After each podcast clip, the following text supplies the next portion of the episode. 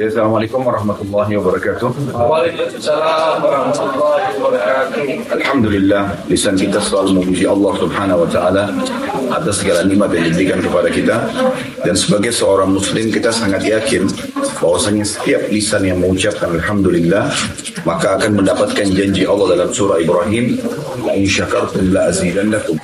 Kalau kalian bersyukur maka aku pasti akan tambah. Walaupun memang sempurnanya syukur itu selain dengan lisan juga dengan praktek dari anggota tubuh kita. Misal dengan kita menggunakan anggota tubuh kita dalam ketaatan kepada Allah Subhanahu wa taala. Tapi semua itu dimulai dengan lisan. Oleh karena itu seringlah membasahi lidah kita dengan kalimat alhamdulillah.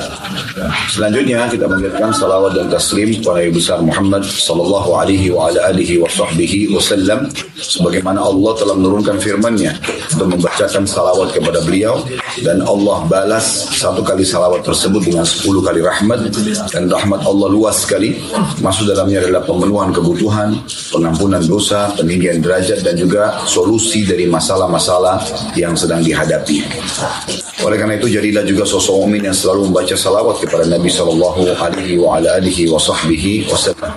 Baik kita akan masuk ke taklim kita. Saya minta Bapak Ibu buka aplikasi Al-Quran ya. Kita akan bedah surah nomor 45. Surah nomor 45 dalam Al-Quran yang Allah berikan nama surah Al-Jathiyah. Pakai tha ya. Al-Jathiyah. Yang artinya berlutut. Ya. Kemarin sudah sempat kita sampaikan di taklim di Madinah. Kalau kita sengaja memilih membahas ayat-ayat Al-Quran. Karena mohon maaf Bapak Ibu sekalian, saya tidak menyinggung siapa pun, tapi terlalu banyak kaum muslimin, termasuk orang-orang yang sudah hijrah, sudah coba lebih dekatkan diri kepada Allah SWT, ternyata belum tahu baca Al-Quran, belum pernah mengetahui kalau Al-Quran itu ada 114 surah, 6000 sekian ayat. Kalau dia tidak bisa baca, maka pasti dia tidak akan bisa juga memahami maknanya. Dia juga akan kehilangan banyak pahala yang dijanjikan oleh Nabi SAW setiap hurufnya bernilai 10 pahala. Dia juga tidak akan bisa tersentuh secara keimanan. Karena tidak ada yang bisa menyentuh secara keimanan seseorang dalam hatinya. Itu mengalahkan Al-Quran. Kalau Bapak Ibu ingin lebih memaknai apa yang saya katakan ini, coba renungi pada saat kita sholat jahar. Sholat kerasin suara di Masjidil Haram. Seperti sholat subuh, sholat maghrib, sholat isya. Coba dengarkan bagaimana imam-imam haram membaca Al-Quran. Kalau seandainya Bapak Ibu mengerti apa yang dibaca seperti Syekh Yasir Dosari tadi malam membaca surah An-Nur, tadi pagi belum membaca surah Safat, itu banyak sekali orang yang mengerti ayat yang dibaca menangis. Karena memang mereka membaca dengan renungan dalam hati. Mereka tadaburi. Saya yakin ada beberapa jemaah juga mungkin kalau mengikuti itu dengan hati yang ikhlas akan tersentuh. Ada beberapa jemaah yang sempat menangis pada saat selesai sholat. Saya tanya, kenapa Pak nangis? Bapak ngerti? Enggak deh. Tapi saya tersentuh saja dengan bacaannya. Begitu luar biasa besarnya efek daripada Al-Quran.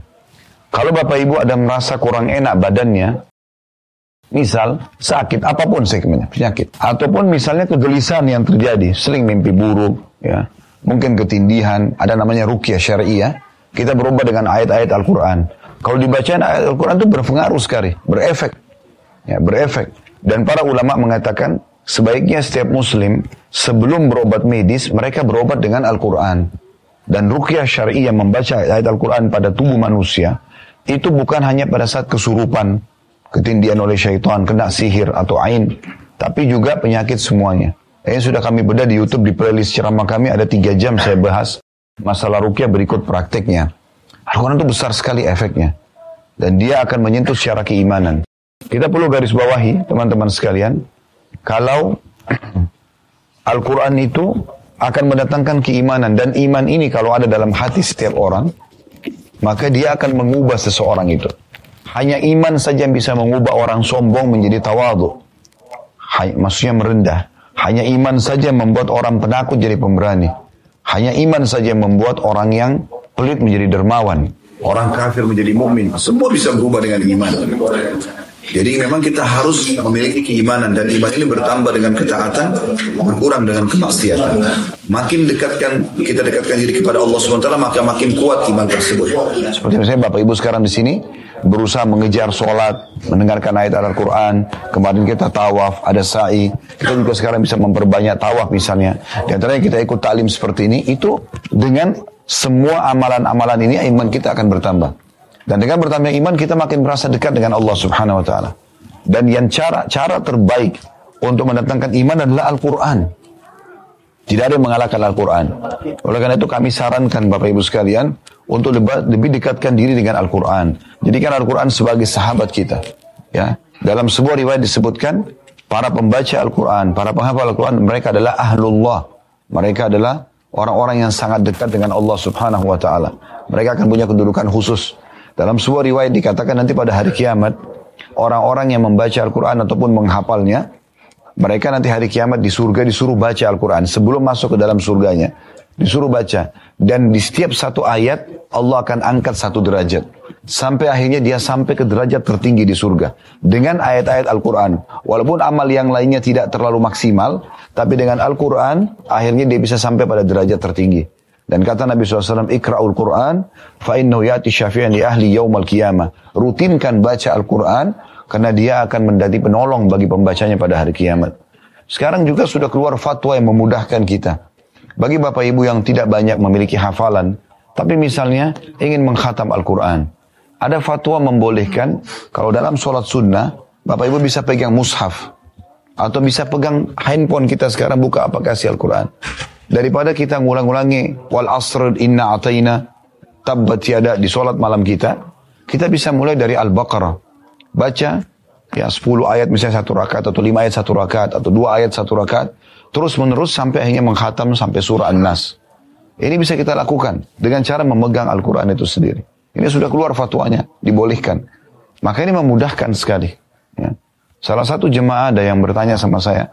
Tadi waktu kami sholat bersebelahan subuh, sebelum subuh saya sempat sholat dan saya sendiri pegang Al-Quran, pegang handphone. Kemudian saya baca. Dan beberapa kali memang ada jemaah kita nanya, Ustaz, Ustaz lagi baca apa? Saya bilang saya baca Al-Quran. Walaupun surah-surah Al-Quran itu sudah Bapak Ibu hafal, beda keutamaannya. Ada keutamaan sendiri membacanya, dan ada keutamaan sendiri mengulangi hafalan. Berbeda. Jadi para penghafal Al-Quran itu tetap membaca Al-Quran dengan melihatnya. Utsman bin Affan radhiyallahu anhu itu pada saat beliau meninggal ditemukan mushafnya, Al-Qur'annya itu terbuat dari kulit unta, kulit hewan. Itu sobek-sobek karena seringnya beliau buka. Seringnya beliau buka. Padahal beliau sudah hafal Al-Quran. Karena beliau baca. Imam Syafi'i rahimahullah pernah bertemu dengan beberapa ulama di Mesir di akhir hidup beliau yang memegang kitab-kitab sangat besar di tangan-tangan mereka. Dan Imam Syafi'i rahimahullah hafal Al-Quran di luar kepala. Tapi beliau pegang Al-Quran. Lalu beliau mengatakan, sungguh kalian telah tersibukkan dengan buku-buku kalian itu, sehingga kalian melupakan buku induk ini. Artinya membacanya bagian daripada hal yang sangat dianjurkan. Oleh karena itu tujuan kita ta'lim dengan membedah dan mentadabur ayat Quran ini supaya Bapak Ibu punya wacana, oh ternyata baca Quran itu indah, memahami makna-maknanya juga baik, gitu kan? Dan ini ya cara terbaik untuk menambah keimanan. Bapak Ibu di sini alhamdulillah Allah mudahkan, jazakallah khair dengan Pak Andre dan keluarga sudah meminjamkan tempat ini buat taklim kita. Tapi kalau kita lihat dari kaca ini, kita bisa melihat bertafakur tentang ciptaan Allah, gunung-gunung, langit, bahkan kita bisa lihat view Ka'bah langsung. Itu bagian daripada hal menambah keimanan. Tapi tetap bertafakur itu masih di bawahnya ayat-ayat Al-Quran. Al-Quran nomor satu dalam mendatangkan keimanan. Jadi kalau ada masalah apa pun yang Bapak Ibu hadapin, ya, maka baca Al-Quran. Allah akan berikan jalan keluarnya. Tiba-tiba kita muncul ide, ya, kita bisa mendapatkan jalan keluar solusi dari bantuan orang lain itu semua karena keberkahan Al-Quran. Ya ini penting sekali untuk dilakukan. Jadi jangan pernah malu Bapak Ibu sekalian, walaupun kita sudah berumur, tapi kalau belum bisa baca Al-Quran, belajar bacaannya. Karena itu penting sekali. Nabi SAW menjadikan orang terbaik dari umat ini yang belajar Al-Quran dan mengajarkannya. Kata beliau dalam hadis, khairukum man ta'allama al-Qur'ana wa 'allamah. Orang yang paling baik di antara kalian, maksudnya paling tinggi, kedudukan di sisi Allah SWT paling besar pahalanya, ya paling mulia dan paling layak untuk menjadi suami, untuk menjadi istri, untuk menjadi sahabat, untuk menjadi partner bisnis adalah orang-orang yang belajar Al-Quran dan mengajarkannya. Ini memang kedudukan paling tinggi yang diberikan dalam agama Islam kita. Jadi jangan teman-teman sekalian cuma berstatus bernama Muhammad atau bernama Aisyah, tapi tidak ada figuritas manusia-manusia terbaik ini pada diri kita. Nabi Muhammad SAW sendiri selalu mengulangi bacaan Al-Quran. Bahkan beliau kadang-kadang menyuruh para sahabat untuk membaca agar beliau mendengarkannya. Beliau pernah minta kepada seorang sahabat untuk membacakan Al-Quran dari surah An-Nisa sampai tiba pada ayat bagaimana hai Muhammad kalau kami mendatangkan kamu sebagai saksi dan kami datangkan juga mereka untuk diberikan kesaksian gitu. Maka Nabi SAW mengatakan cukuplah. Lalu beliau menangis. Lalu sahabat yang membaca ini mengatakan, sungguh aku mengangkat kepalaku dan melihat Nabi SAW meneteskan air mata karena membaca atau mendengarkan ayat-ayat Al-Quran itu. Jadi belajar dari huruf hijaiyahnya supaya benar harus bisa dibedakan mana tha, mana zal, mana zai, mana sin, mana shin, mana sod, mana dha. Ini harus dibedakan. Beda semuanya. Seperti nama surah kita ini Al-Jathiyah. Pakai tha. Kalau orang tidak bisa membedakan mana tha dengan menekankan lidahnya ke atas dengan zal zalika misalnya atau zai idza zulzila atau sin atau shin atau sod dan dha maka ini akan bisa mengubah makna dan Allah SWT akan minta pertanggungjawabannya Al-Quran itu akan menjadi penolong buat kita atau justru nanti Allah akan hisap yang berat bagi orang yang tidak mau belajar Al-Quran. Karena Allah turunkan kitabnya untuk dipelajari dan dibaca. Ya.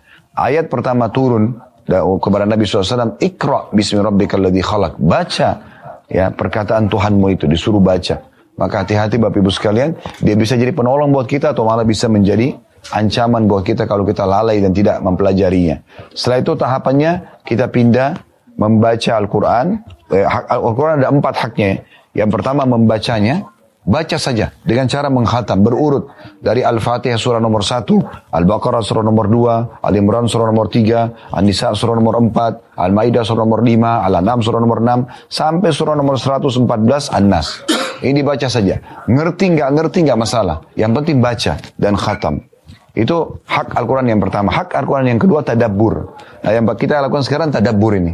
Kita pilih surah-surah tertentu walaupun tidak berurut ya. Kemudian kita pelajari bacaan ya bacaannya berikut juga makna-makna dan kandungan-kandungan ada di dalamnya. Yang ketiga menghafalnya. Nah metode untuk mentadaburi merenungi ayat Al-Quran dan juga menghafal ini bisa kita gunakan dengan 10 ayat saja per hari. Walaupun tidak banyak ya. Cuma hari ini kita akan coba bahas lengkap surah Al-Jathiyah insyaAllah karena tidak banyak 30 sekian ayat saja. Kemudian setelah itu Ya, kita pindah yang keempat mengamalkan isinya.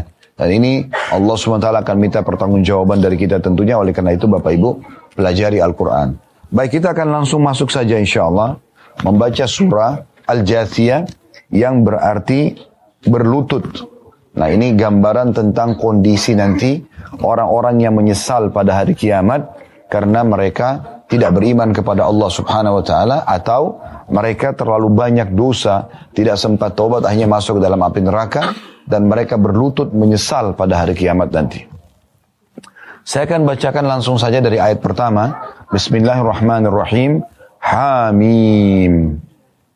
Hamim sama dengan alif lam mim, sama dengan toha, yasin, huruf-huruf yang terputus-putus dalam ayat Al-Quran ini kata ulama tafsir bisa mengandung dua makna. Bisa mengandung dua tafsir. Yang pertama Allah lebih tahu artinya atau nama lainnya surah itu. Artinya kita bisa bilang ini surah namanya Al-Jathiyah atau kita namakan surah Hamim. Kemudian yang kedua Allah mengatakan Tanzilul kitab minallahil azizil hakim. Kitab ini yang sedang kalian baca ya, diturunkan dari Allah yang maha perkasa lagi maha bijaksana. Ini bukan tulisan seorang profesor yang bestseller misalnya. Atau seorang penulis buku yang bestseller. Ini dari langsung samping cipta langit dan bumi ini. Yang menciptakan kita. Allah mengatakan ini bukan main-main. Kitab ini yang turunkan adalah Allah langsung yang maha perkasa lagi maha bijaksana. Kalau mau tahu keberkasan Allah subhanahu wa ta'ala, kita tinggal lihat ciptaan Allah di sekitar kita. Tidak usah bicara jauh-jauh di diri kita sendiri Bapak Ibu sekalian.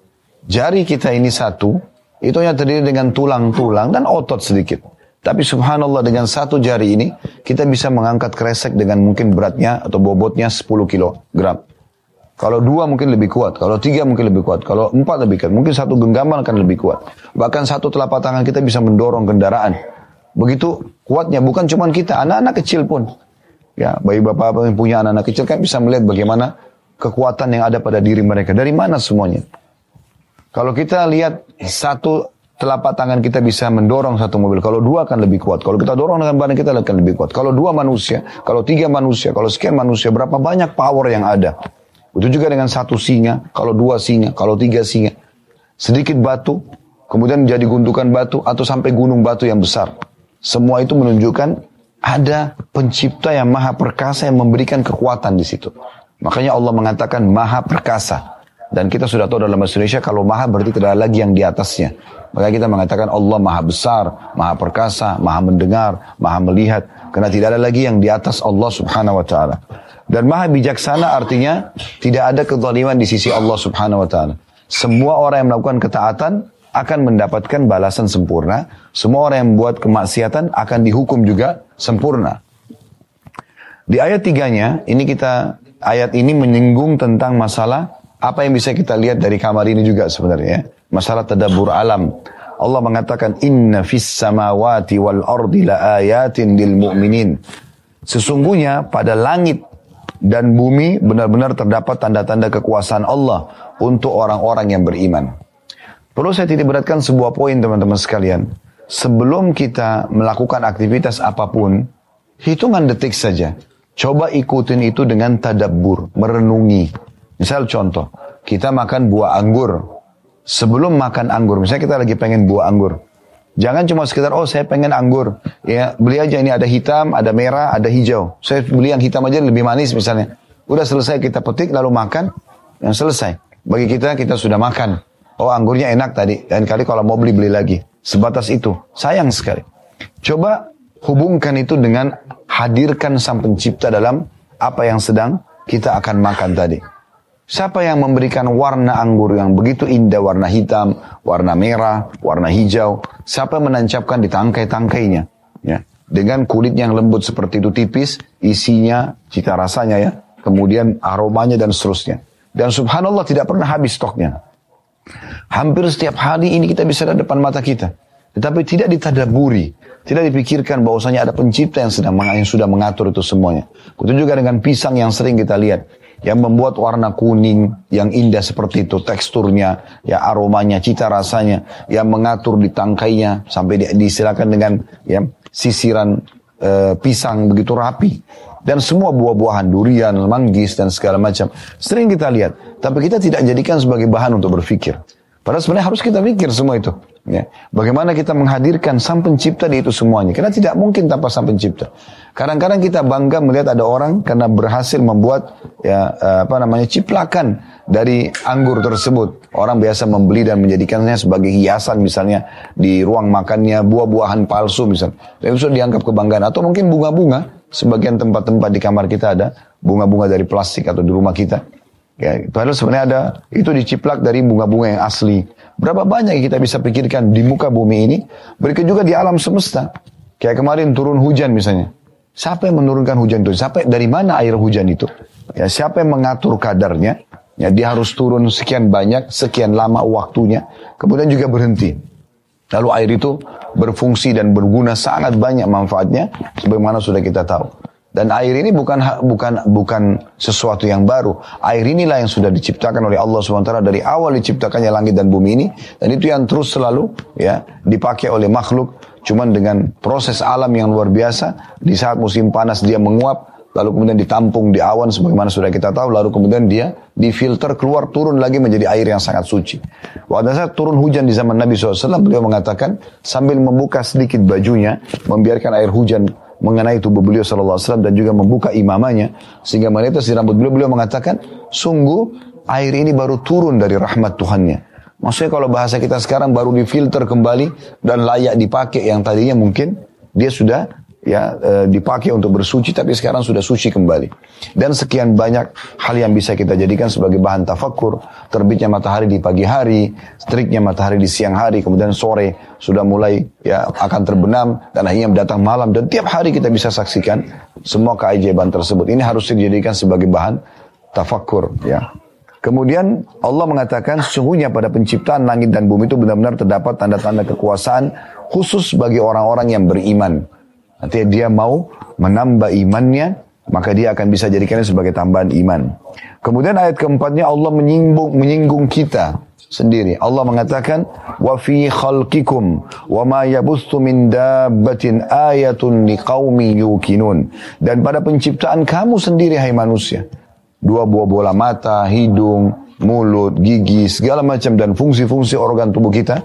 Teman-teman dokter sini mungkin sudah mempelajari secara medis bagaimana komposisi tubuh manusia, bagaimana rumitnya ya sistem yang ada di dalam sana gitu kan. Ya sampai ada dokter ur, urat saraf sendiri, ada dokter gigi, ada dokter tulang, ada dokter segala untuk merawat itu. Bahkan dalam diri manusia ini menjadi sumber bisnis yang luar biasa. Bukankah karena gigi orang bisnis odol dan sikat gigi? Bukankah karena keringat manusia dan gerahnya orang bisnis sabun dan sampo? Kan gitu. Dan seterusnya. Uh, orang ingin wangi, kita juga butuh pakaian maka dengan itu ada bisnis fashion misalnya dan banyak hal gitu. Kebutuhan manusia. Pada diri kita banyak sekali tanda-tanda kebesaran Allah Subhanahu wa taala. Harusnya kita renungi masalah itu. Kemudian juga dikatakan dan juga pada binatang-binatang yang melata yang bertebaran di muka bumi. Apa saja? Kucing ya ya, anjing, unta dan segala macam ciptaan Allah Subhanahu wa taala. Makhluk ini semua dari mana ini? Gak mungkin gak ada penciptanya. Maka kita hadirkan eh, keberadaan sang pencipta di ciptaan Allah SWT. Bahkan mungkin satu jenis hewan seperti semut mungkin lebih banyak jumlahnya daripada manusia. Gitu kan. Dan populasi mereka terus berjalan, tidak pernah berhenti. Allah mengatakan, pada diri kamu dan juga binatang-binatang yang bertebaran itu terdapat tanda-tanda kekuasaan Allah bagi kaum yang meyakini. Maksudnya mau memunculkan dalam hatinya keyakinan tentang adanya sang pencipta Allah subhanahu wa ta'ala. Lalu ayat limanya Allah aja lagi kita berfikir.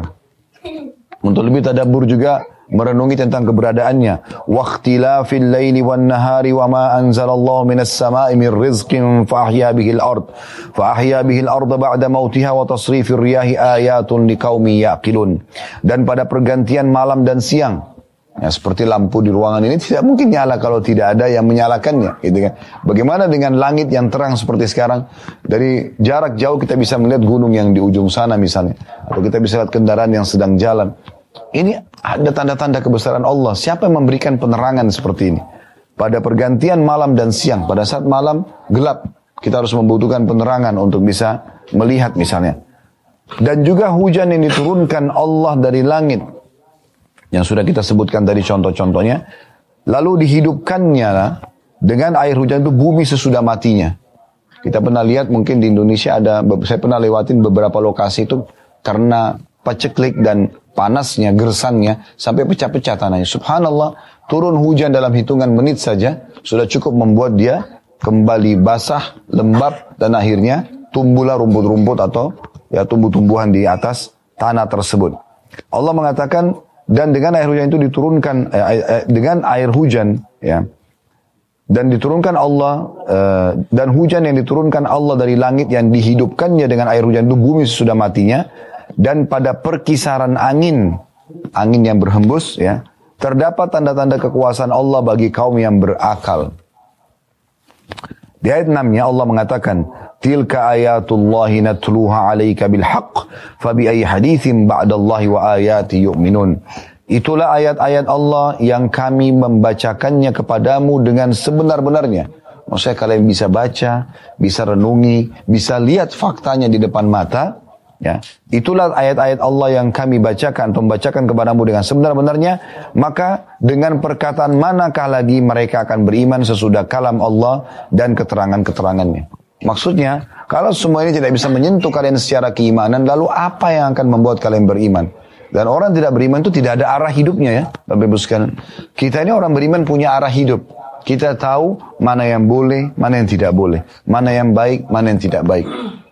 Ada seseorang uh, filosof dari negara Arab dulu, meninggal dunia, namanya Ihya Abul Madi. Dia hidup di masa dulu, yang sudah sekian ratus tahun yang lalu. Semasa hidupnya Bapak Ibu sekalian dia selalu membantah adanya Allah Subhanahu wa taala. Semua syair dia ribuan membantah tidak ada Tuhan. Dan banyak pengikutnya. Subhanallah pada saat dia mau meninggal dunia, dia menyusun 20 bait syair, semua isinya membantah sendiri apa yang dia ragukan selama ini. Di antara syairnya dia mengatakan, Dia bilang maknanya langsung saja ya, karena ini cukup panjang. Dia mengatakan saya lahir di muka bumi ini, tapi saya benar-benar tidak tahu dari mana asal saya. Dari ibu saya kan? Baik ibu saya dari mana? Ibunya lagi. Ibu saya ibunya lagi dari mana? Ibunya. Siapa yang awal? Dia tidak pernah tahu. Dia bingung dari mana asalnya manusia yang terus saja populasinya ada. Gitu kan?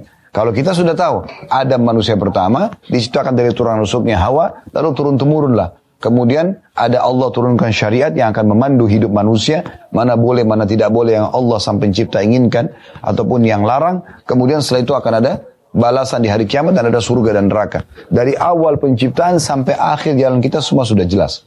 Tapi mereka tidak tahu itu. Lalu dia mengatakan, saya pada saat lahir saya menemukan sebuah sistem. Mau nggak mau saya harus ikutin. Misalnya, pada saat lahir, ini ibu, ini ayah. Kita nggak pernah punya opsi untuk memilih. Saya nggak mau ibu ini, saya nggak mau ayah ini. Ya udah ini ibumu ini ayahmu. Mau baik mau buruk pokoknya sudah seperti itu. Kita lahir jenis kelamin laki-laki atau perempuan. Kita nggak punya opsi. Berarti ada zat yang mengatur semua itu. Lahir normal kah, lahir cacat kah, sudah seperti itu. Dan kita tidak bisa membantahnya. Sebuah sistem. Fungsi anggota tubuh, telinga mendengar, mata melihat, lisan untuk digunakan, ya dan bibir untuk mengucap dan mengecap. Misalnya tangan menjama kaki melangkah. Fungsi-fungsi yang luar biasa dan tidak bisa dialihfungsikan. Kita nggak mungkin bisa makan dengan kuping kita misalnya.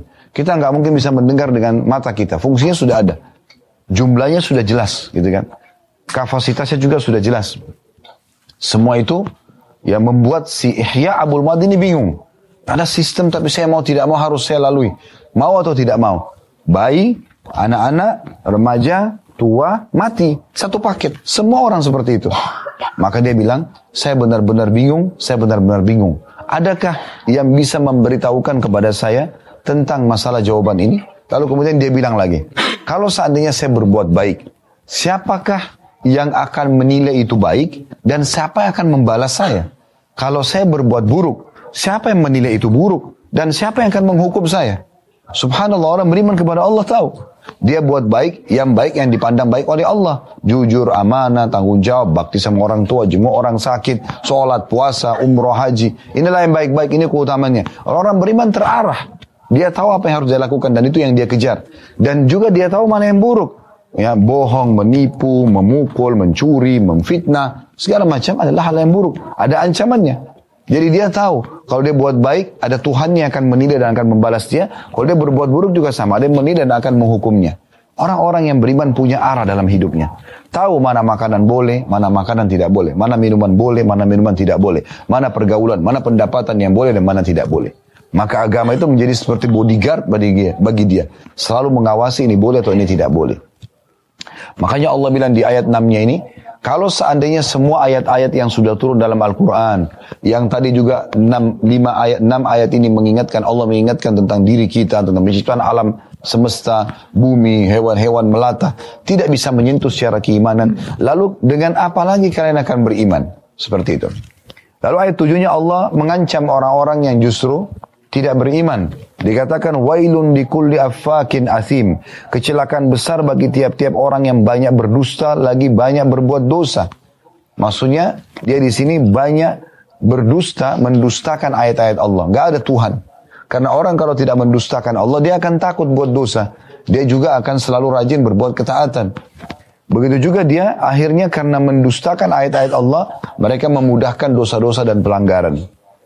Ayat 8 Allah jelaskan, yasma'u ayati la tutla alaihi, thumma yusirru mustakbiran ka'allam yasma'ha, wa bashirhu bi'adzabin alim. Yaitu yang dimaksud orang yang banyak berdusta dan berdosa, dia mendengar ayat-ayat Allah dibacakan. Kayak sekarang kita bacakan ayat demi ayat. Ah, sudahlah. Ah, sudahlah. Kayak ditepis begitu saja. Ingat Bapak Ibu sekalian, kami ini para da'i hanya bisa berbicara seperti ini. Sekali lagi saya ulangi seperti taklim kita di Madinah, kami nggak mungkin datang ke rumah Bapak Ibu, ketuk pintunya, ayo sholat, ayo puasa. Itu nggak mungkin. Berapa banyak energi yang dibutuhkan. Tapi kami datang dalam menyampaikan seperti ini. Orang yang cerdas mendengar, tanpa harus melihat siapa yang menyampaikan. Kalau yang disampaikan itu benar, kalau Allah, kalau Rasul, Allah berfirman, Rasulullah SAW bersabda, yang merupakan maslahat buat Bapak Ibu, maka akhirnya itu akan diambil dan dia akan menjadikan sebagai pegangan hidupnya. Tapi kalau orang cuma datang dalam sebuah pengajian, mendengarkan ayat-ayat Allah, hanya testimoni, coba-coba aja deh, ya, atau seremoni saja meramaikan, nggak ada manfaatnya. Ingat Bapak Ibu sekalian, agama ini yang butuh adalah kita. Bukan agama butuh kepada kita. Bapak Ibu kalau tidak hadir di majelis ilmu, tidak mau dengarkan Al-Quran, tidak mau dengarkan nasihat-nasihat dari Nabi SAW, maka kita yang rugi. Kita sendiri membutuhkan itu. Kita akan dihisap oleh Allah SWT. Allah tidak ciptakan kita Bapak Ibu sekalian dan Bapak Ibu hadir di muka bumi ini sia-sia. Allah mengatakan am hasibtum annama khalaqnakum abatha wa annakum ilaihi la turja'un. Apakah kalian mengira kami ciptakan kalian sia-sia dan kami kalian tidak akan dikembalikan kepada kami? Semua akan ada pertanggungjawabannya Bapak Ibu sekalian. Umur yang berlalu, kesehatan yang diberikan, fasilitas di anggota tubuh kita ini semua akan ada pertanggungjawabannya. Kemudian Allah mengatakan, saya ingatkan kembali ayat delapannya, dia mendengarkan ayat-ayat Allah, dibacakan kepadanya. Kemudian dia tetap menyombongkan diri seakan-akan dia tidak mendengarnya. Maka beri kabar gembira, dia akan beri kabar gembira kepada dia akan ada siksa yang pedih. Di orang yang dengar ayat-ayat diingatkan, jangan akhi, jangan ukhti, ini haram, kerjakan ini. Ah, nggak mau tahu. Jadi kan, udahlah, tidak usah nasihatin saya. Ya, apa itu ustadznya ngomong apa? Dianggap remeh, diremehkan ya. Baik ustadznya ataupun penyampaiannya, maka ini akan jadi masalah buat dia sendiri. Dia akan diminta pertanggungjawaban dari Allah Subhanahu wa taala.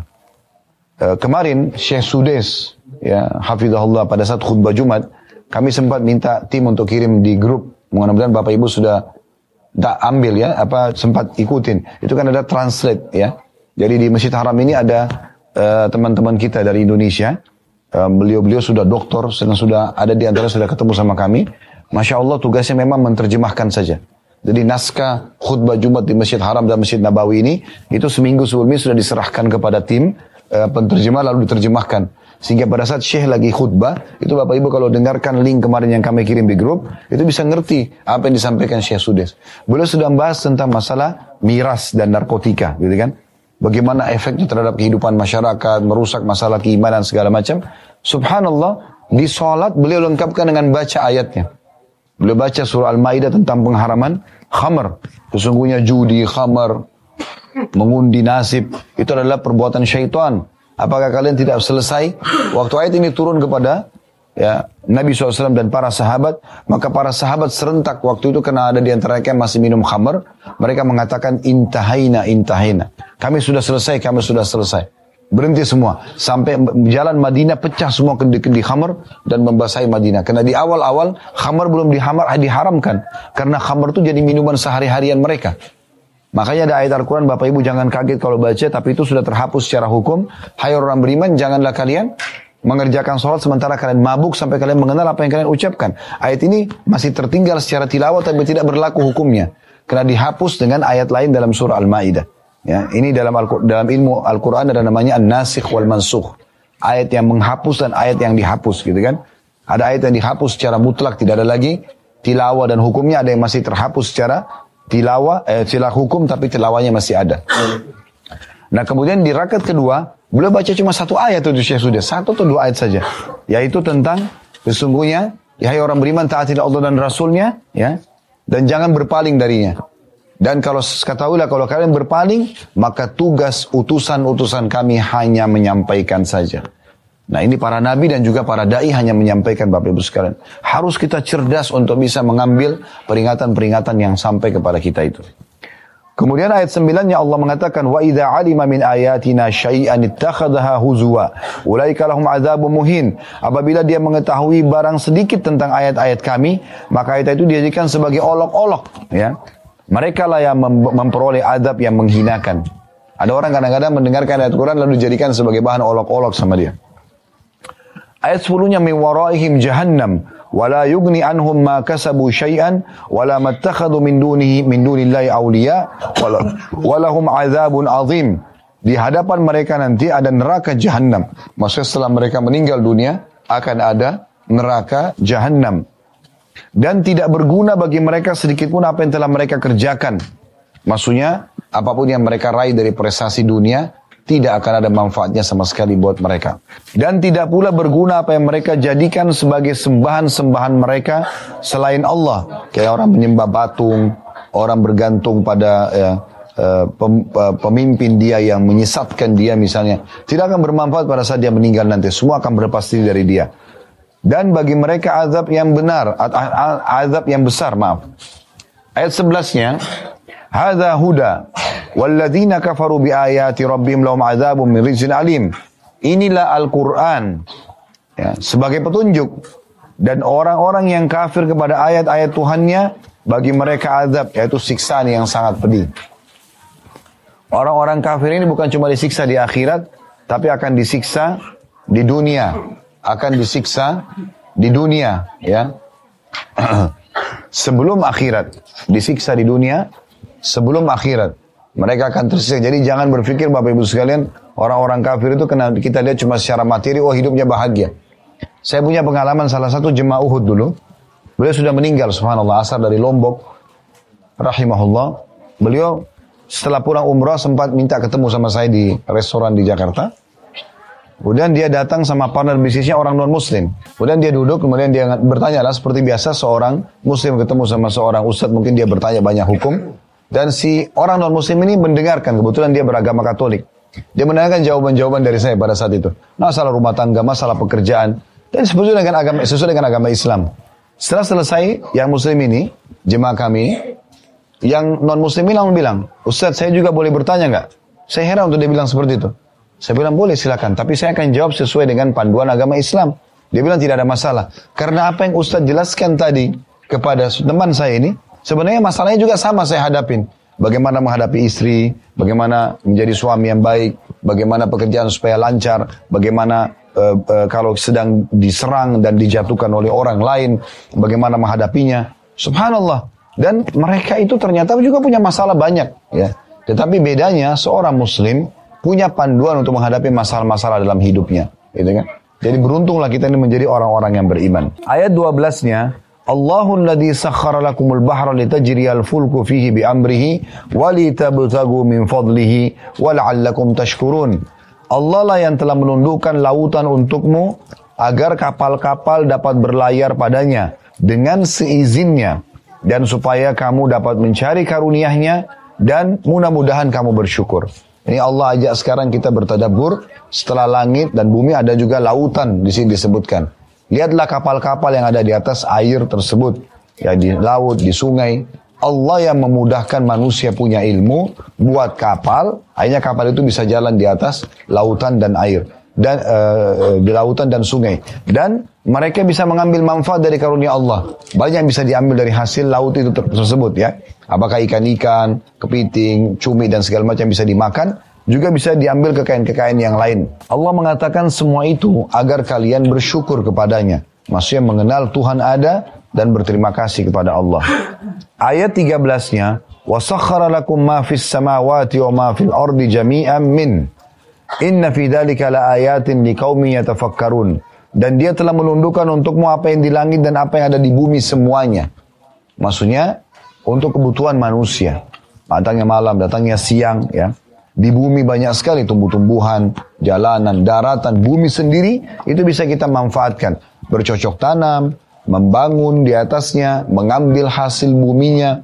Itu semua adalah tanda-tanda kebesaran Allah. Allah mengatakan semua itu sebagai rahmat dari sisinya Sesungguhnya pada yang demikian itu benar-benar terdapat tanda-tanda atau kekuasaan Allah bagi kaum yang mau berfikir. Ayat 14-nya, Qul lilladzina amanu yakfiru lilladzina la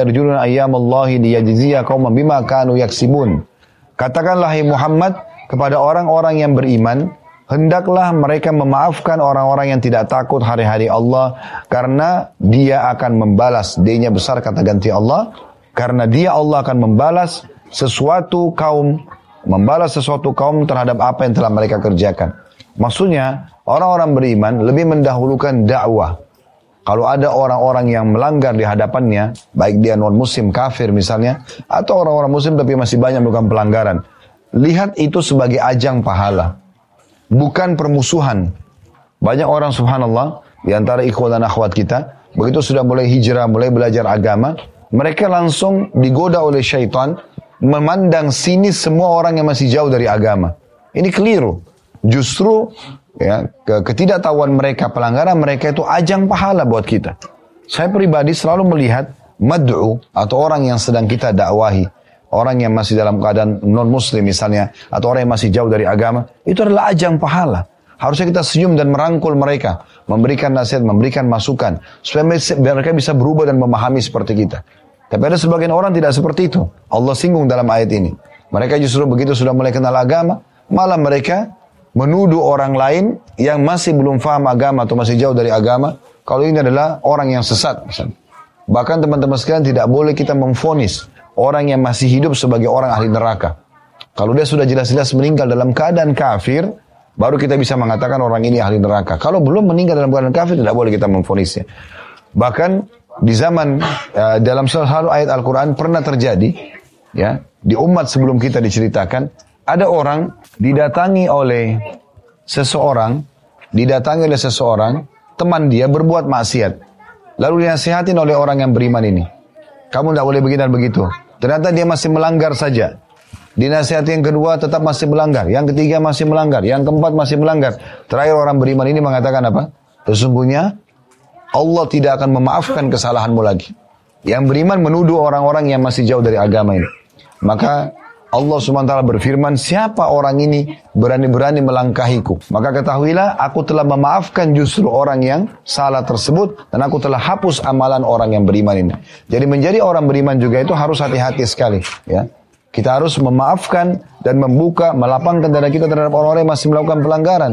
Ajak mereka, rangkul mereka agar mereka bisa menjadi orang yang mendapat hidayah juga. Nabi Muhammad SAW selalu mendahulukan hidayah daripada dendam. Yang membunuh paman beliau di Uhud yang kita ceritakan kemarin adalah Wahsy. Di pembebasan kota Mekah, waktu Nabi SAW masuk dengan 10 ribu pasukan menguasai kota ini. Dan akhirnya menjadi kota beriman seperti kita sekarang. Sebelumnya, orang-orang musyrik. Banyak ada 360 patung depan Ka'bah. Tapi waktu itu, Wahsy datang dan mengucapkan syahadat. Dimaafkan oleh Nabi SAW. Ada Abdullah bin Abi Syarh. Ini orang sepupunya Uthman bin Affan. Dia masuk Islam, kemudian dia karena bisa membaca dan menulis, dia menjadi penulis wahyu. Al-Quran turun, dia yang tulis gitu. Setelah beberapa bulan dia masuk Islam, dia kembali ke Mekah lalu dia iklankan kalau dia murtad. Dan dia bilang, ayat-ayat yang saya tulis itu saya bohongin Muhammad.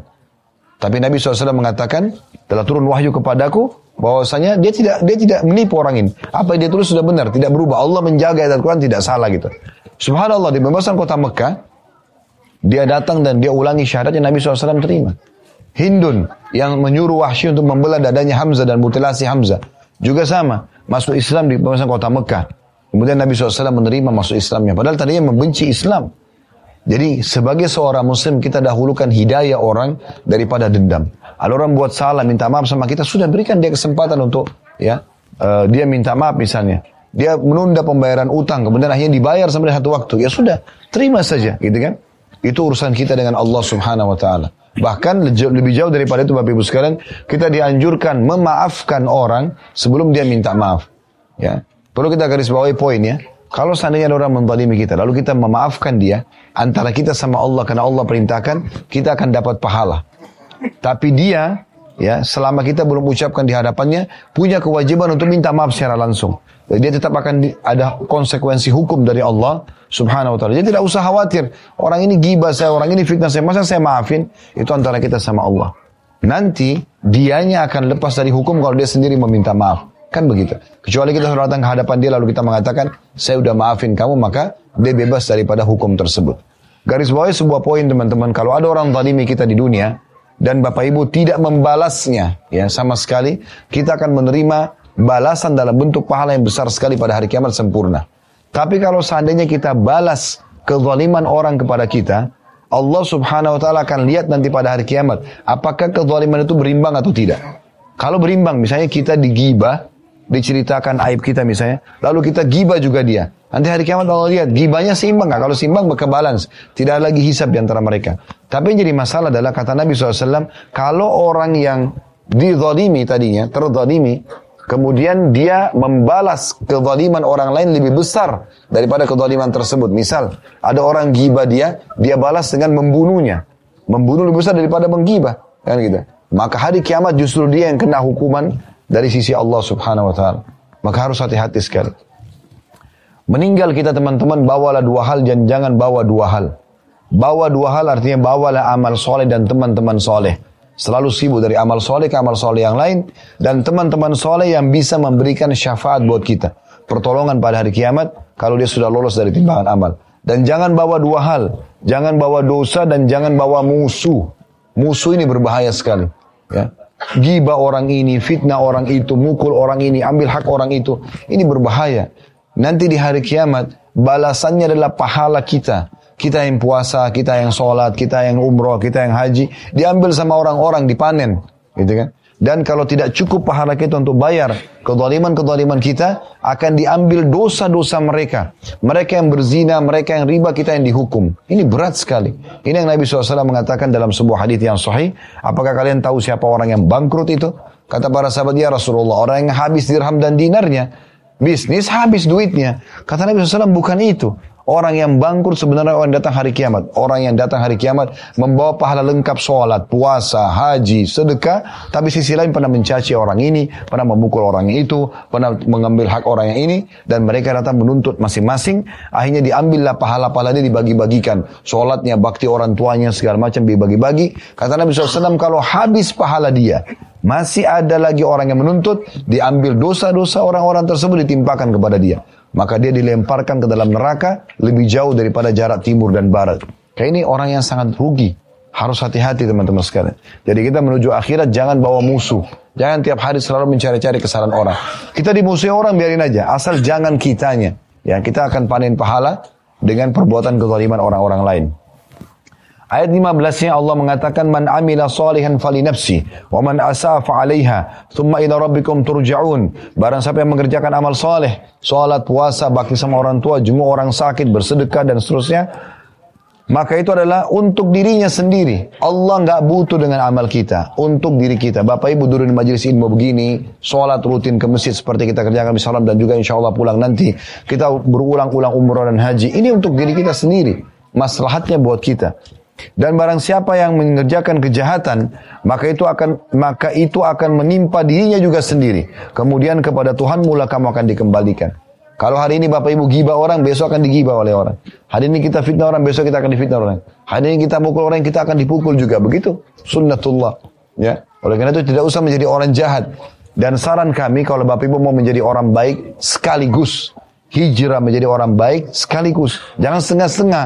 Jadi orang baik sekalian. Mau orang di sekitar kita mengatakan kamu berubah, kamu so alim, kamu segala macam, biarin aja. Nggak usah peduli dengan lisan dia. Kalau setengah-setengah, Bapak Ibu jadi orang baik tapi masih membuka juga pintu-pintu dosa yang lainnya. Tidak ada manfaatnya. Saya ada manfaat tapi tidak maksimal. Ya. Sayang gitu. Lebih baik sekalian menjadi orang baik. Maksimal dalam hijrah. Maka itu lebih baik. Itu maksimal. Jadi orang baik atau jadi orang buruk. Tengah-tengahnya juga sulit gitu kan. Karena Bapak Ibu kalau ada tengah-tengah, buka kesempatan amal soleh, buka juga pintu dosa, maka akan mengurangi kadar kehusyuan dalam ibadah. Kenapa ada orang sholat ya tapi nggak khusyuk? Karena dia masih buka pintu-pintu dosanya. Ya. Dia mau ada Al-Quran, dauku utama, tapi tidak dibaca. Ada kesempatan sedekah, tidak sedekah. Maka semua itu karena masih ada dosa yang menghalangi dia. Kapan dia maksimal mengerjakan amal soleh, dia tutup keran-keran pintu dosa, di saat itu dia akan rasakan keimanan yang dia akan akan dia nikmati itu sampai dia meninggal nantinya. Ayat 16-nya, "Walaqad atayna bani Israil al-kitaba wal hukma wan nubuwata wa razaqnahum wa razaqnahum minat thayyibati wa faddalnahum 'alal 'alamin." Dan sungguhnya kami telah berikan kepada Bani Israel Alkitab, maksudnya Taurat. Bani Israel, Bani artinya keturunan. Israel nama lainnya Nabi Yakub ya. Nama lainnya Nabi Yakub. Insya nanti di Tur City besok saya akan ceritakan tentang histori kota Mekah termasuk keturunan-keturunan Nabi Ibrahim AS dan Nabi Yakub. Nama lain beliau adalah Israel. Jadi orang-orang Israel sekarang menamakan negara mereka Israel karena namanya Nabi Yakub. Bani Israel artinya keturunan Nabi Israel atau Nabi Yakub. Allah mengatakan kami telah berikan mereka kitab Taurat, kekuasaan dan kenabian dan kami beri kepada mereka rezeki yang baik-baik atau rezeki-rezeki yang baik dan kami lebihkan mereka atas bangsa-bangsa pada masa mereka itu. Ayat 17-nya wa atainahum bayyinatin minal amr wa makhtalafu illa min ba'di ma ja'ahumul ilmu baghyan bainahum inna rabbaka yaqdi bainahum yawmal qiyamah yawmal qiyamati fima kanu fi yakhtalifun. Dan kami berikan kepada mereka keterangan-keterangan tentang keterangan-keterangan nyata tentang urusan agama mereka. Maksudnya sudah jelas mana halal, mana haram, mana perintah, mana larangan. Ya. Maka mereka tidak berselisih, melainkan sudah datang kepada mereka pengetahuan karena kedengkian yang ada di antara mereka. Ini penyakit yang paling berbahaya teman-teman setelah seseorang itu hijrah menjadi orang lebih dekat kepada Allah SWT. Iri dan dengki satu sama yang lain. Bapak Ibu jangan berpikir di alam para ulama, di alam para dai tidak ada iri dan dengki. Ada. Dan ini yang paling berbahaya. Ini yang paling menghancurkan mereka. Dia tidak ingin temannya, ya sama kalau di alam bisnis, saingan bisnisnya dianggap saingan, gitu kan. Di alam ada dalam dalam harusnya tidak boleh itu. Sebagai seorang muslim tidak boleh. Kita justru mendoakan saudara kita muslim yang sedang maju perusahaannya, yang sedang baik rumah tangganya, yang sedang berkembang dakwanya itu iya. Tapi syaitan masuk di bab kedengkian. Allah menggambarkan Bani Israel dulu, kami berikan rezeki, kami turunkan ya kitab yang nyata kepada mereka. Tapi ada bagian bainahum, karena ada kedengkian di antara mereka, maka itu yang merusak kehidupan mereka akhirnya. Sesungguhnya Tuhanmu akan memutuskan antara mereka pada hari kiamat terhadap apa yang mereka berselisih padanya. Ayat 18-nya. ثم جعلناك على شريعة من الأمر فاتبعها ولا تتبع أهواء الذين لا يعلمون. Bukan kami jadikan kamu berada di atas satu syariat atau peraturan dari urusan agama itu, maka ikutilah syariat itu, maksudnya syariat Islam, dan jangan kamu ikuti hawa nafsu orang-orang yang tidak mengetahuinya. Kami turunkan agama ini, ikuti syariat itu. Kerjakan apa yang diperintahkan, apa yang dilarang. Dan jangan ikutin orang-orang yang tidak punya ilmu. Karena mereka akan sesat dan jauh dari jalan Allah subhanahu wa ta'ala. Ayat 19-nya, "Innahum la yughnu 'anka minallahi syai'a wa innadh dhalimina ba'dhum awliya'u ba'd wallahu waliyul muttaqin." Sesungguhnya mereka sekali-kali tidak akan dapat menolak dari kamu sedikit pun dari siksaan Allah Subhanahu wa taala. Maksudnya orang-orang yang menolak apa yang telah disampaikan dalam syariat Nabi Muhammad SAW, mereka tidak akan bisa menolak siksa Allah yang datang kepada mereka. Dan sungguhnya orang-orang yang zalim itu sebagian mereka menjadi penolong bagi sebagian yang lain dan Allah adalah pelindung bagi orang-orang yang bertakwa. Allah nanti akan buat orang-orang yang benci agama ini akan bersatu, orang-orang yang senang dengan agama ini akan bersatu dan Allah akan berikan hukuman kepada mereka dan Allah akan selamatkan orang-orang yang bertakwa. Ayat 20-nya, Hada basairu linnasi wa hudan wa rahmatun liqaumin yuqinun. Al-Qur'an ini adalah pedoman bagi manusia petunjuk dan rahmat bagi kaum-kaum yang mau atau bagi kaum yang mau meyakininya. Jadi Al-Quran adalah pedoman bukan bagi orang beriman saja, tapi bagi manusia. Semuanya akan jadi petunjuk kalau mereka mengambil Al-Quran sebagai petunjuk dan pedoman hidup mereka. Di ayat 21-nya, ini penting sekali untuk digarisbawahi Bapak Ibu sekalian. Terutama bagi orang-orang yang masih mau membeda-bedakan. Tuh buktinya yang mabuk itu masih selamat. Tuh buktinya orang yang riba, orang yang zalim masih diberikan rezeki dan seterusnya. Perhatikan Allah gambarkan di ayat 21 surah Al-Jathiyah ini. Allah bilang, Am hasibal ladina ijtara'u sayyati an naj'alahum an naj'alahum kal ladina aman wa amilus salihati sawa mahyahum sawa'am mahyahum wa matuhum sama yahkumun. Apakah orang-orang yang berbuat kejahatan itu menyangka kezaliman, ya, perbuatan dosa, menyangka bahwa kami akan menjadikan mereka seperti orang-orang beriman dan yang mengerjakan amal soleh yaitu sama antara kehidupan dan kematian mereka, amat buruklah apa yang mereka sangka itu. Teman-teman coba renungi uh, makna ayat ini. Kita lihat misalnya yang terdekat adalah Nabi Muhammad SAW dengan para sahabatnya.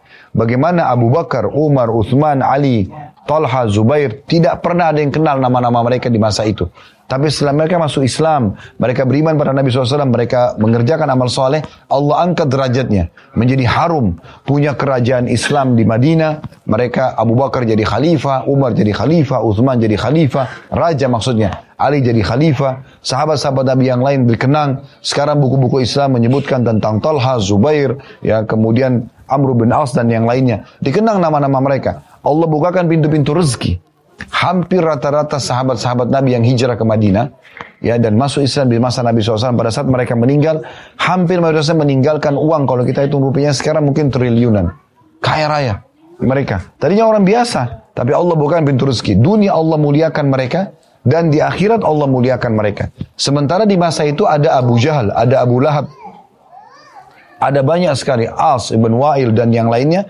Orang-orang penduduk Mekah yang kaya raya tadinya kemudian karena mereka kufur dan membuat maksiat Allah tutup hidup mereka dengan hal-hal yang tidak baik dan sampai sekarang pun dikenang keburukannya dan tidak ada manfaatnya bagi mereka sama sekali oleh karena itu Allah mengatakan salah sekali persepsi sebagian orang kalau Allah akan menyamakan kehidupan dunia dan kehidupan kematian akhiratnya nanti. Orang yang berbuat dosa dengan orang yang beriman. Itu salah sekali. Pasti orang beriman itu akan bahagia di dunia dan juga bahagia pada saat mereka menuju ke akhirat sana. Ayat 22-nya, wa khalaqallahu samawati wal arda bil haqqi wa litujza kullu nafsin bima kasabat wa hum la yudlamun. Allah menciptakan langit dan bumi dengan tujuan yang benar. Ada maksud daripada semua penciptaan yang kita bisa lihat dengan mata kepala kita ini dan kita gunakan sebagai fasilitas ya. agar dibalasi tiap-tiap diri terhadap apa yang dikerjakannya dan mereka tidak akan dirugikan. Semua ini udara, air, kehidupan, umur, apa saja fasilitas semua ini itu akan ada pertanggungjawabannya. Ya, orang yang memaksimalkan dalam ketaatan akan dapat balasannya, orang yang gunakan dalam dosa juga akan ya dihukum. Ayat 23-nya. Afara'aita man ittakhadha ilahu hawahu wa adallahu Allah ala ilmin wa khatama ala sam'ihi wa qalbi wa ja'ala ala basari gishawa wa ja'ala ala basarihi gishawatan faman yahdihi min ba'dillah afala tadhakkarun maka pernahkah kamu melihat orang yang menjadikan hawa nafsunya sebagai Tuhannya dan Allah membiarkannya berdasarkan ilmunya? Dan Allah telah mengunci mata, mata ma, mengunci mati pendengaran dan hatinya dan meletakkan tutupan atas penglihatannya maka siapakah yang akan memberikan petunjuk? Sesudah Allah atau dalam kuruk membiarkannya sesat. Maka mengapa kamu tidak mengambil pelajaran? Artinya ada orang subhanallah biar kita nasihatin apa pun tidak akan pernah dia dengar. Allah sudah tutup telinganya. Allah tutup hatinya. Dia lihat kejadian besar apa pun di depan matanya. Dia lagi naik mobil sama temannya atau kerabatnya tabrakan. Teman atau kerabatnya meninggal depan matanya. Kepalanya bocor, tangannya putus, badannya hancur, terbakar, meledak mobil dan dia berhasil selamat. Juga tidak tersentuh hatinya. Lalu orang seperti ini sudah dikunci oleh Allah SWT. Ini bahaya sekali. Para ulama salaf teman-teman sekalian, saking pekahnya imannya, kalau mereka lagi jalan, kena batu aja kakinya maka mereka langsung beristighfar kepada Allah SWT. Pasti ada peringatan dari Allah. Mereka lewat di sebuah tempat tercium bau busuk aja, maka mereka langsung beristighfar kepada Allah. Gak mungkin Allah sampaikan kecuali sebagai peringatan. Begitu luar biasa. Sebagian di antara mereka mengatakan, saya tahu saya punya dosa dan saya khawatir saya dihukum oleh Allah.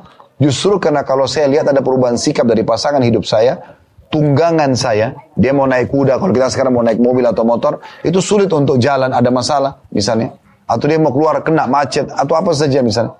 Dan tikus yang ada di rumah saya. Saya tahu berarti itu ada masalah antara hubungan saya dengan Allah Subhanahu wa taala. Jadi tidak boleh kita tidak peka dalam memahami peringatan-peringatan Allah. Ayat 24-nya, wa qalu ma hiya illa hayatuna dunya namutu wa nahya wa ma yuhlikuna illa ad-dahr wa ma lahum bidzalika min ilm inhum illa yadhunnun. Dan mereka berkata, kehidupan ini, dunia ini tidak lain hanyalah kehidupan di dunia saja nggak ada balasan, nggak ada akhirat, nggak ada kehidupan alam barza. Kita mati dan kita hidup dan tidak ada yang akan membinasakan kita selain masa. Dan mereka sekali-kali tidak mempunyai pengetahuan tentang itu, mereka tidak lain hanyalah menduga-duga saja. Sekarang kalau kita beriman tentang adanya akhirat, beruntunglah kita. Beriman tentang akhirat ini teman-teman membuat kita bisa mengontrol diri kan gitu. Kenapa ada orang takut untuk berbuat dosa? Karena dia tahu ada balasan di akhirat. Beriman akhirat ini akan mengontrol diri kita dan akhirnya membuat kita selalu mau berbuat yang terbaik di dunia. Orang yang tidak beriman pada akhirat maka membuat mereka lalai saja dan itu rumah Allah biarkan. Tapi nanti mereka akan menyesal tentunya setelah mereka menghadapi kematian tersebut. Ya. Ayat 25-nya, wa yatutla alaihim ayatuna bayyinatin ma kana hujjatahum illa an qalu tu bi abaina in kuntum sadiqin. Apabila dibacakan kepada mereka ayat-ayat kami yang jelas tidak ada bantahan mereka selain mereka berkata, datangkanlah nenek moyang kami jika kamu adalah orang-orang yang benar. Maksudnya sebagian orang-orang pada saat itu di zaman Nabi SAW, kalau diingatkan mereka bilang, kalau kalian memang benar dalam agama kalian datangkan hidupkan nenek moyang kami yang dulu. Ini cuma permintaan yang kosong. Untuk apa? Dia mau terima silakan, dia tidak mau terima silakan. Yang luar biasa dalam agama Allah ini tidak ada paksaan Bapak Ibu sekalian. Waman syafal yu'min, waman syafal yakfur. Yang mau beriman silakan, mau dengar silakan, mau beramal silakan, yang juga mau kafir silakan. Tapi nanti dia akan tahu nanti hasilnya. Dia beri orang tua, dia mati, dia masuk surga. Dan pada saat dia kufur, dia berbuat maksiat, dia akan dihukum di neraka. Dan nanti ahli neraka itu di hari kiamat masuk neraka dalam posisi meyakini keadilan Allah Subhanahu wa taala. Meyakini keadilan Allah Subhanahu wa taala. Dia tahu memang dia pantas masuk ke neraka karena Allah tidak pernah menyuruh dia berbuat dosa. Allah telah turunkan wahyu mengingatkan kepada dia. Ayat 26-nya, "Qulillahu yuhyikum tsumma yumitukum tsumma yujma'ukum ila yaumil qiyamati la raiba fihi walakin aktsaran nasi la ya'lamun." Katakan hai Muhammad jelaskan kepada orang-orang yang membantah seakan-akan tidak ada kematian, tidak ada kehidupan setelah kematian, tidak ada hisab, tidak ada surga neraka. Allah lah yang menghidupkan kamu kemudian mematikan kamu. Setelah itu mengumpulkan kamu pada hari kiamat yang tidak ada keraguan pada padanya. Akan tetapi kebanyakan manusia tidak mengetahui. Ayat 27-nya, walillahi mulku samawati wal ard wa ayat yauma taqumus saatu yauma yakhsarul mubtilun. Dan hanya kepunyaan Allah lah kerajaan langit dan bumi. Artinya yang telah memerintahkan kalian semua tadi berpikir ayat-ayat sebelum ini adalah yang memiliki kerajaan langit dan bumi dan pada hari terjadinya kebangkitan rugilah pada hari itu orang-orang yang mengerjakan kebatilan. Akan menyesal. Nah ini ayat 28 adalah ayat sebab dinamakan surah ini. Surah Al-Jathiyah. Artinya berlutut dan menyesal.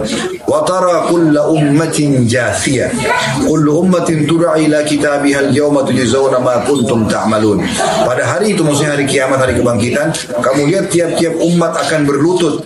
Tiap-tiap umat dipanggil untuk melihat buku catatan amal amalnya. Pada hari itu kamu diberi balasan terhadap apa yang telah kamu kerjakan. Ya.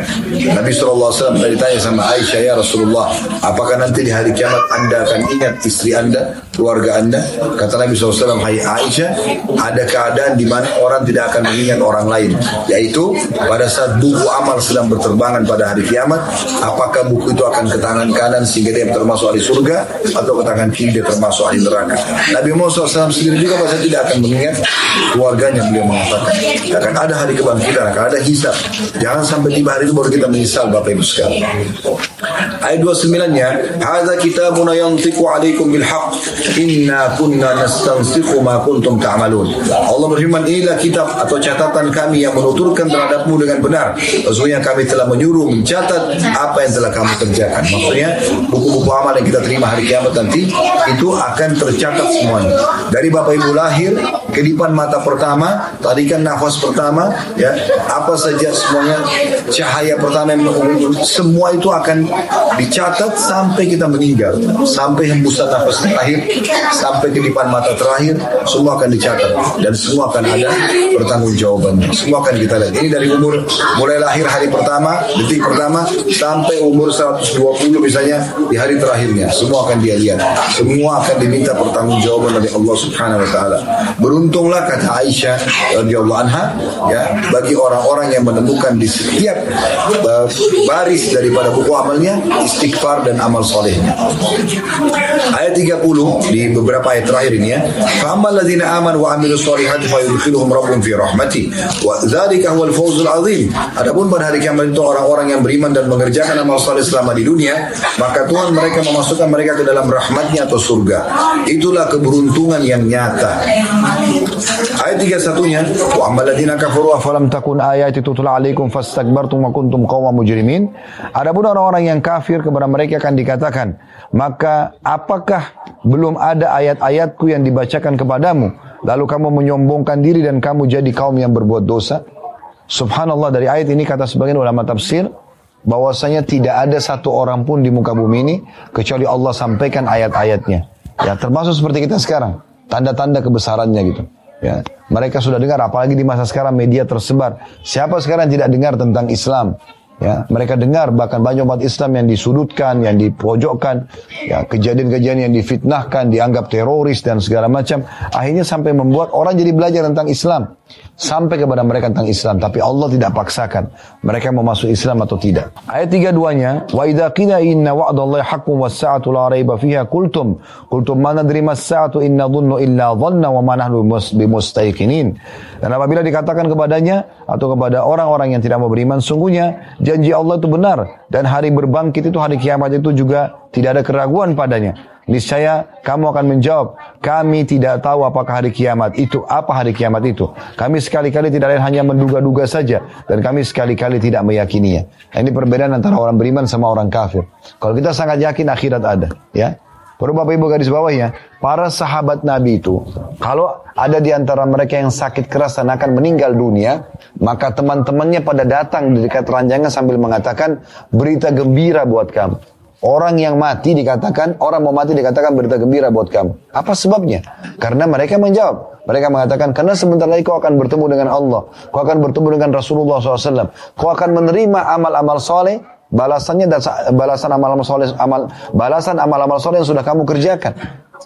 Dari begitu keyakinan orang beriman, dia mati dia akan terima balasannya. Waktu ditanya kepada Bilal, bagaimana pendapatnya tentang kematian? Kata Bilal, marhaban bil maut. Selamat datang kematian. Orang-orang beriman justru rindu dengan kematian karena dia tahu dia akan menuju kepada kehidupan abadi. Mati bagi orang beriman adalah awal segalanya. awal episode hidupnya justru sebenarnya di sana. Ini cuma sementara. Kita akan lewatin dengan umur tertentu. Kita akan tua, kita akan meninggal. Walaupun tidak tua juga akan meninggal. Tapi di sana kehidupan abadi yang sedang menanti kita. Itu yang tertanam di benak setiap orang beriman. Kehidupan akhirat. Sementara orang-orang kafir mereka mengatakan kami tidak yakin akhir. Itu cuma mengada-ngada saja. Akhirnya mereka dirugikan sendiri. Ya, Mereka dirugikan sendiri. Pernah waktu Nabi SAW kumpulin jenazah orang-orang Quraisy 70 orang yang meninggal di perang Badr, di perang Badr, mereka jenazah dikumpulkan di satu sumur. Ya, kecuali Abu Jahal karena badannya membengkak dan membusuk sehingga cuma ditutupin dengan batu oleh para sahabat pada saat itu. Tapi yang lain dalam dalam sumur. 69 orang. Nabi SAW panggil satu persatu. Wahai fulan, wahai fulan, wahai fulan. Lagi jadi jenazah. Maka kata Nabi SAW, apakah kalian sudah mendapatkan apa yang Tuhan kalian ancamkan? Sesungguhnya aku telah mendapatkan apa yang Tuhanku janjikan. Maksudnya Allah berikan aku kemenangan nih sekarang. Kalian hina-hina aku di Mekah, sekarang aku diberikan kemenangan. Aku punya kerajaan, aku punya pengikut, banyak orang yang beriman kepada Allah dan di akhirat pun kami akan selamat. Maka kata Umar, ya Rasulullah, bagaimana mereka bisa mendengar anda? Sementara mereka sudah jadi bangkai. Kata Nabi SAW, ketahuilah wahai Umar, sesungguhnya mereka lebih jelas mendengarkan suara saya daripada kau mendengarkan suara saya. Hanya mereka tidak bisa menjawab. Jadi jangan berpikir orang mati itu ya mereka tidak tahu apa yang terjadi. Mereka justru mengetahui kehidupan yang sebenarnya. Pada saat kita datang ajal nanti, karena kita semua akan meninggal Bapak Ibu sekalian, pada saat kita lihat malaikat itu sudah terbuka semuanya. Kita akan bisa melihat semuanya, apa pun yang sudah Allah janjikan dan Allah ancamkan. Ayat 33-nya, wa badalahum sayyatu ma'amil wa haqa bihim ma kanu bihi yastahzi'un. Dan nyatalah pada saat kematian datang pada orang-orang kafir dan banyak berbuat dosa tentang keburukan-keburukan dari apa yang mereka kerjakan dan mereka diliputi oleh azab yang mereka selalu mengolok-oloknya. Mana itu azab kubur? Mana itu akhirat? Ah, Ustaz itu cuma ngomong aja, misalnya. Nanti dia akan saksikan sendiri. Beruntunglah orang yang mengambil sebagai pelajaran. Rugilah orang yang menganggap remeh semua ini. Itu kan? Saya tidak mungkin Bapak Ibu sekalian meluangkan waktu ngomong sampai sejam, dua jam hanya untuk omong kosong dan Bapak Ibu sekalian tidak. Ini karena sebuah keyakinan. Ini akan terjadi benar. Beruntunglah orang yang mengambil ini sebagai pelajaran. Kan sayang sekali kalau orang tidak mengambilnya sebagai pelajaran.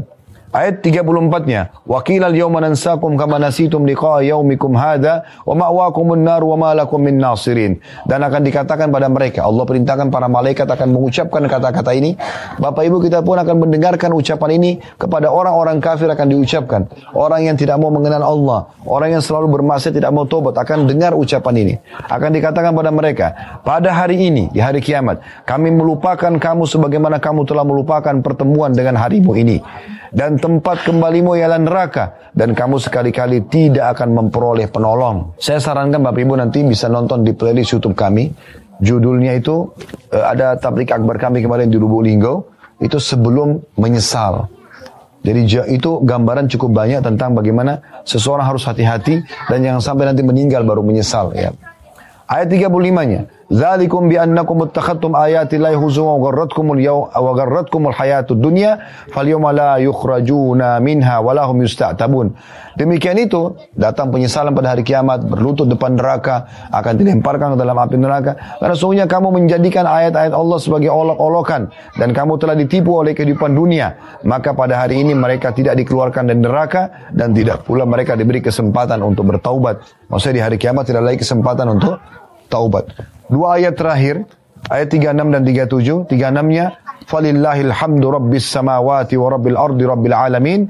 Maka bagi Allah lah segala puji. Tuhan langit dan Tuhan bumi, Tuhan alam semesta. Maksudnya, yang mau ambil pelajaran dari 35 ayat yang lalu sudah disampaikan, maka dia memuji Allah Subhanahu wa taala atas ilmu dan iman yang telah Allah berikan. Ayat 37-nya, "Walahul kibriya'u fis samawati wal ard wa huwal azizul hakim." Yang telah memerintahkan kalian memberikan kalian nasihat ini yang menyampaikan kepada kalian dan diturunkan dalam kitab sucinya adalah Allah yang baginya keagungan di langit dan di bumi dan dialah yang maha perkasa lagi maha bijaksana. Nah ini ayat-ayat Al-Quran yang menjelaskan tentang bagaimana awal Ya, kita disuruh tafakur di ayat-ayat pertamanya agar memunculkan iman kita kepada Allah. Disuruh selanjutnya kita beramal soleh dan juga berhati-hati terhadap orang yang selalu lalai dan kafir terhadap ayat Allah dan bagaimana akhir hidup keduanya yang beriman masuk surga yang yang berbuat kebukaran akan masuk dalam neraka dan semua ini akan pasti benar terjadi Allahu alam. Baik ini bahasan kita Bapak Ibu sekalian insyaallah. Subhanakallah wa bihamdika asyhadu an la ilaha illa anta astaghfiruka wa atubu ilaik. Wassalamualaikum warahmatullahi wabarakatuh.